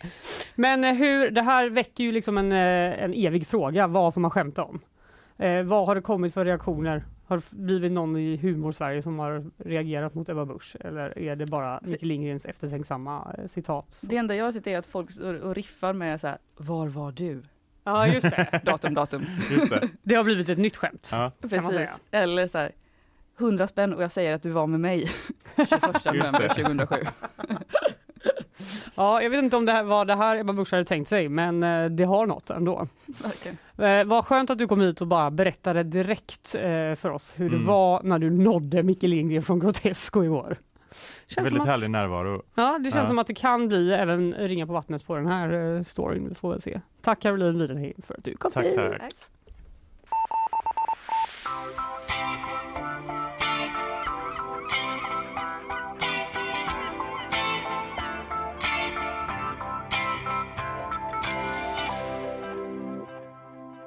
Vi måste ju credda viralgranskaren Jack Werner också. Just det. Det var ju han som gick till botten med de här tre ledtrådarna som fanns i Ebba Buschs tal och eh, rotade upp grotesco Det är sant, det kunde man ju läsa på den sociala medieplattformen X. Hur kändes det att säga det? Eh, bra, jag tänker inte säga att det var för detta Twitter. Nej, jag tror att Jag våra lyssnare det. vet det. Mm, Det heter X nu. Vi kan inte påverka det. nej. Det är vad det är. Jaha. Vi har inget att säga Varken till om. vill eller kan. Nej, exakt, det är verkligen eh, så vi kan sammanfatta det. Mm. Där höll han på med det. Har du sett förut på X där att de, de har gjort eh, loggan lite typ ännu manligare? Ja, det ser Alltså, ut så- så som lite- Axe. Så lite repor och sånt där. Ja, Det är bara, det är bara en notering som eh, får mig att eh, vilja radera appen varje gång. men vi kan inte det. Nej. Man är ju där man är liksom. Mm. Det känns verkligen som att den luktar Axe också. Om, om appen hade haft en doft. Typ Mm. Axe Eyes. Men jag måste säga, jag är ingen eh, van twittrare från början eller absolut exare heller. Jag har aldrig knappt skrivit något där. Jag är Nej. bara inne för att eh, hålla koll på the news. Men nu varje gång jag går in så är det bara folk som är så här, här kan vi inte vara längre.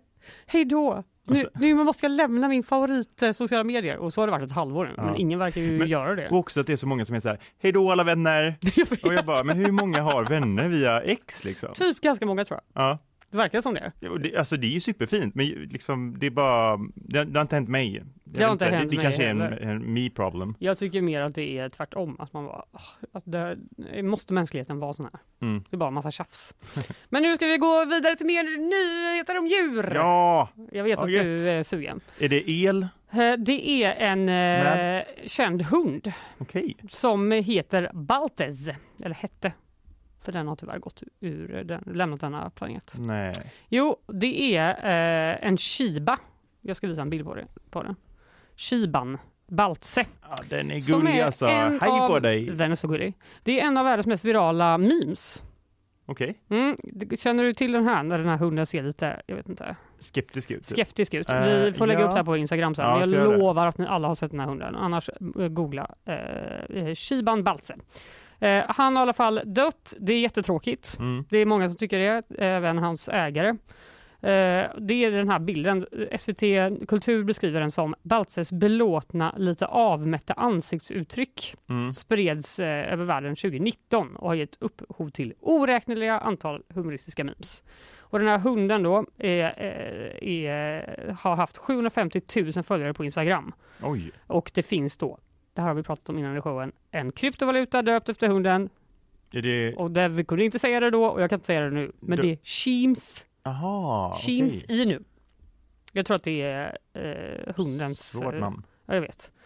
Eh, och det, nu har SVT gjort en eh, liksom, liten litet extra varv med den här nyheten och Mm. ringt Susanne Larsson som är ordförande för hundklubben Shiba no Kai, alltså hundklubben som har den här rasen Okej, i okej, Sverige. ja. Hon tycker att den här mimen är jätterolig.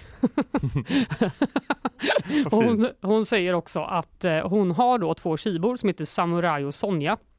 Det är en japansk Mm. ras. Är de syskon eller? Samurai och Sonja, de har ju så Det lika namn. känns verkligen som det, men de kan också bara vara samma ras. Mm. Oklart, framgår inte. Men de blir dagligen stoppade av förbipasserande på sina promenader som säger Åh, titta där är hunden som är på Youtube och Instagram. Ja, Gulligt!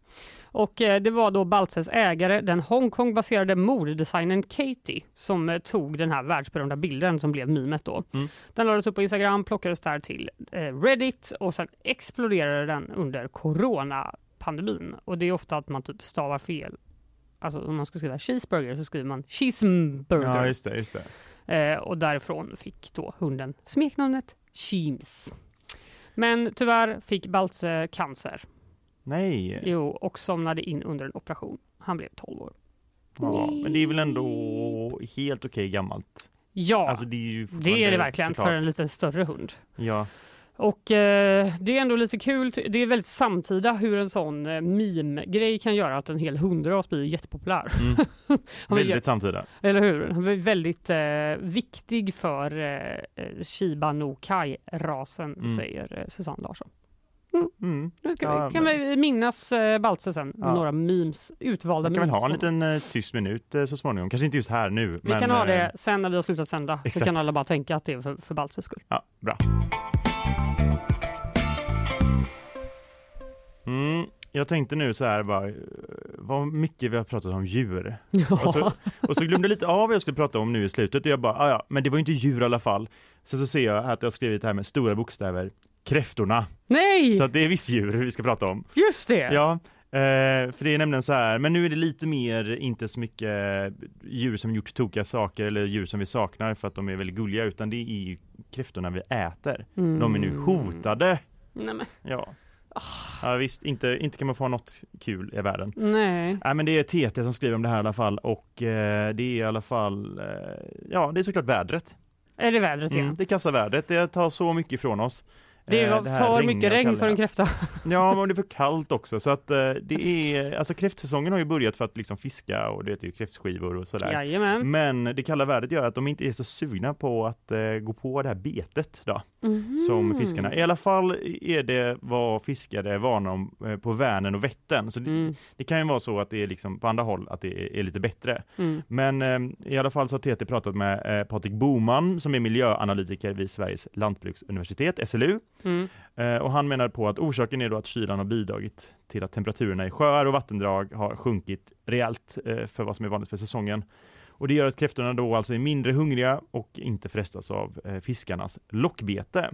De fryser så mycket att de inte kan äta. Mm. Ja, det kan man väl. Nej, jag är alltid hungrig ändå. Ja, jag bara eh, relaterar ej, men verkligen. absolut. Känner sympati. Ja, Det men när Patrik då säger att för att kräftorna ska bli aktiva och hungriga och krypa in i burarna så behöver de vatten, eh, så behöver de vatten på en viss temperatur, helst mellan 17 till 18 grader. Men gud, Ja. väldigt specifikt. Verkligen, ja, men jag tänker att om det är mer än så, så men han menar mer liksom att det är Aha, minimum. minimum, ja, jag ja. skulle Mm. säga det. Är det kallare än så, som 13 till 14 grader i vissa vatten som det kan vara på sina håll, så blir de eh, inaktiva. Mhm. Då får de inget födobeteende, stannar kvar på botten och är väldigt svåra att få igång. Ehm, och eh, inte nog med det, Mm. men kräftorna som väl ändå kommer in i burarna, de eh, kommer förmodligen vara mindre än vanligt. Alltså Mhm. i storlek. För de hade ätit ordentligt. Eh, ja, men dels det och sen så för att kunna bli större så liksom måste kräftorna på något sätt ömsa skal, eller så här, de byter ut sitt skal. Eh, men de är mycket mindre på att sugna, eh, sugna på att göra det när det är kallt. Och det kan man ju förstå, man vill Ja, inte ta av man. sig i kylan. Visst för att klä på sig något nytt, men, men det är liksom den, den, den stunden där när, när man är liksom mellanplagg så att säga. Ja. Eh, när det är väldigt kallt ute. Det, det kan man ju verkligen relatera till. Ja, att det, det är eh, otrevligt. Och inte nog med det, så är det inte bara kylan som är problemet, utan det är som du sa, det är ju regnet också. Eh, när det kommer in eh, massa regn och stormar som typ Hans, eh, då Mm. blir det ännu värre. Mm. För de höga vattenflödena kan föra med sig ökade, ökad sedimentation. Och ja, ja, jag tycker heller, det låter inte så trevligt. Sedimentation, bara ett jobbigt ord. Och det Verkligen. verkar ju kräftorna tycka också. Eh, då, eh, för det här, de här sedimenten lägger sig som damm över botten och påverkar deras naturliga habitat, vilket också gör dem inaktiva. Det låter som en ursäkt för att de bara är lite lata. latmaskar. Ja, verkligen, verkligen. Lataste djuret uppenbarligen. Men eh, har du då en kräftskiva inplanerad den närmsta tiden så manar han ändå till lugn om du vill ha svenska kräftor. Alltså man kan ju såklart köpa frysta från andra länder, men det ska ju vara svenska kräftor, eh, tycker ju väldigt många i alla fall. Ja. Eh, man ska inte, det är ingen skäl för oro än. Säsongen för kräftfiske har ju bara börjat, så att det kan Okej. ta sig. Det kan ta sig. Men kanske flytta sin helg lite längre in i hösten då. Exakt, exakt. Så att eh, skjut upp den lite vet jag. Eh, septemberkräftskiva är väl inget fel. Det finns all möjlighet för kräftfisket att förbättras. Det tror jag definitivt. Eh, generellt sett så tror jag till och med att det i slutändan blir ett liknande kräftfiske i år som under ett normalår lugnar Patrik Boman alla våra skaldjursfantaster runt om i landet. Jag har bara en sak att säga. Det finns bara en kräfta och det är havskräfta. Mm, enig.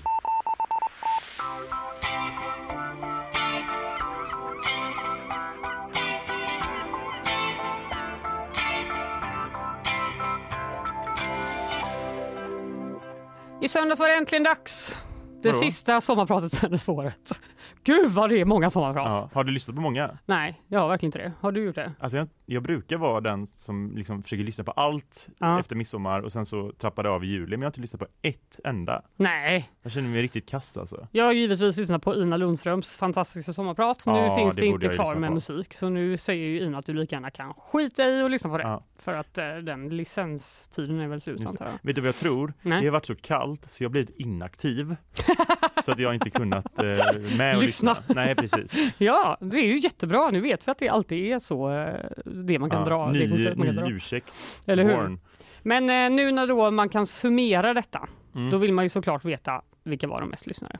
Ja, lätt. Ja, eller hur? Och då verkar det tyvärr finnas eh, lite olika topplistor. Och det är ju för att de har både live och podd. Just det. Och det är olika människor som toppar de här eh, olika. Sen mäter de också hur länge folk lyssnar. Mm. Det är ju sånt som vi håller på med Ja, här. precis. Eh, men linjär lyssning, det är ju alltså i radion live. På va? eten. Ja. I eten. I eten. Ja. Där är det en tydlig eh, eh, veteran som vinner. Mark Ja, Levengood. jag tänkte precis gissa på honom. Nej, jag skulle låta dig gissa då. Ja, ja. Det var ju taskigt av mig. Han har ju sommarpratat sju gånger tror jag. Får man ens, alltså, hur kan man ha sju historier i sig? Eller så här, sju livsöden Ja, att berätta om i inte. sig? Det står så här, det är hans sjunde sommar sedan 93.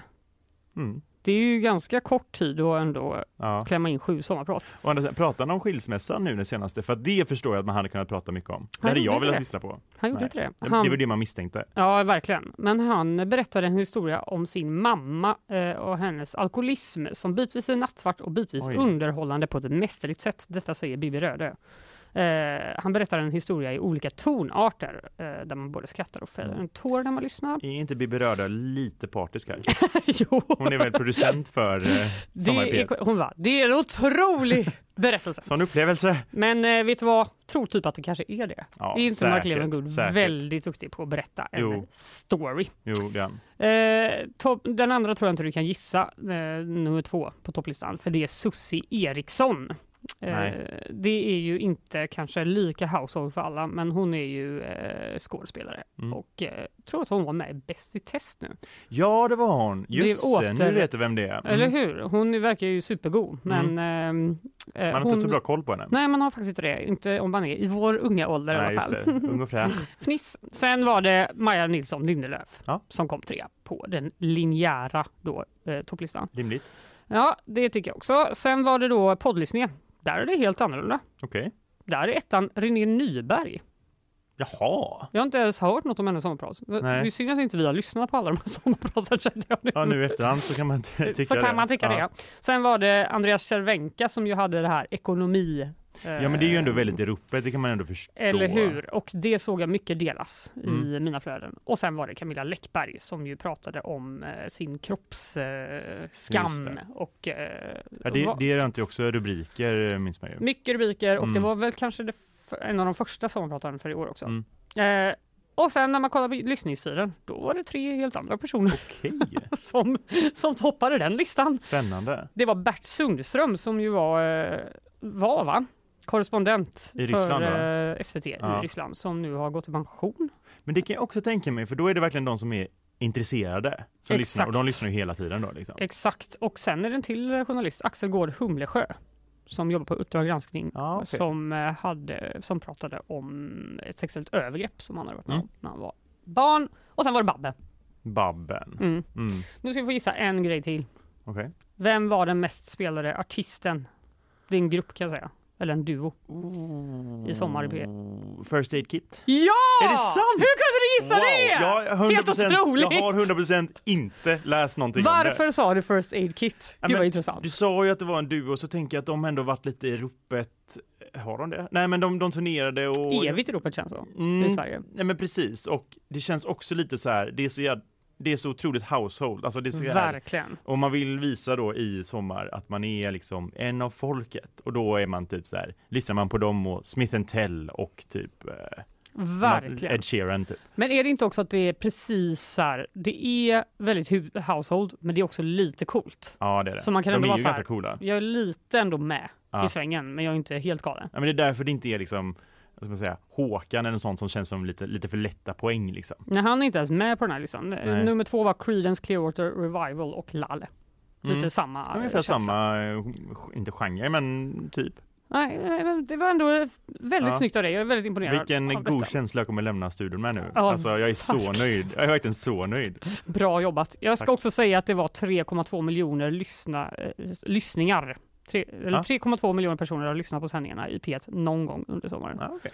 Det betyder ju inte att det är så många personer dock, men ja, Nej. det är ju väldigt bra siffror. Det är så bra eh, siffror. Det, jag ska sluta klaga, men nästa år kanske lite färre va? Ja. Jag tycker det. Jag tycker det. Inte för att vi kan bestämma det då, men... eh, Det här var dagens program. Ja. Vad kul det var. Det var jättekul. V- vad pratade du om i början, Viktor? Eh, jag pratade om F16 Just och eh, guldstål. Eh, Ja. Daniel Ståhl som tog ju diskus-VM eh, medalj. Han vann. Vin. Han vann, eh, enkelt kallat. Ja, bra jobbat av Ja, honom. du snackade också om en del. Jag pratade ju om råttinvasion i Göteborg. Här har alla råttorna fångats. Mm. Mm. Hela listan finns på g.se. Och så pratade vi lite om bilträffar och att polisen, nu blir det hårdare tag. Ja. Så här kan man inte hålla på.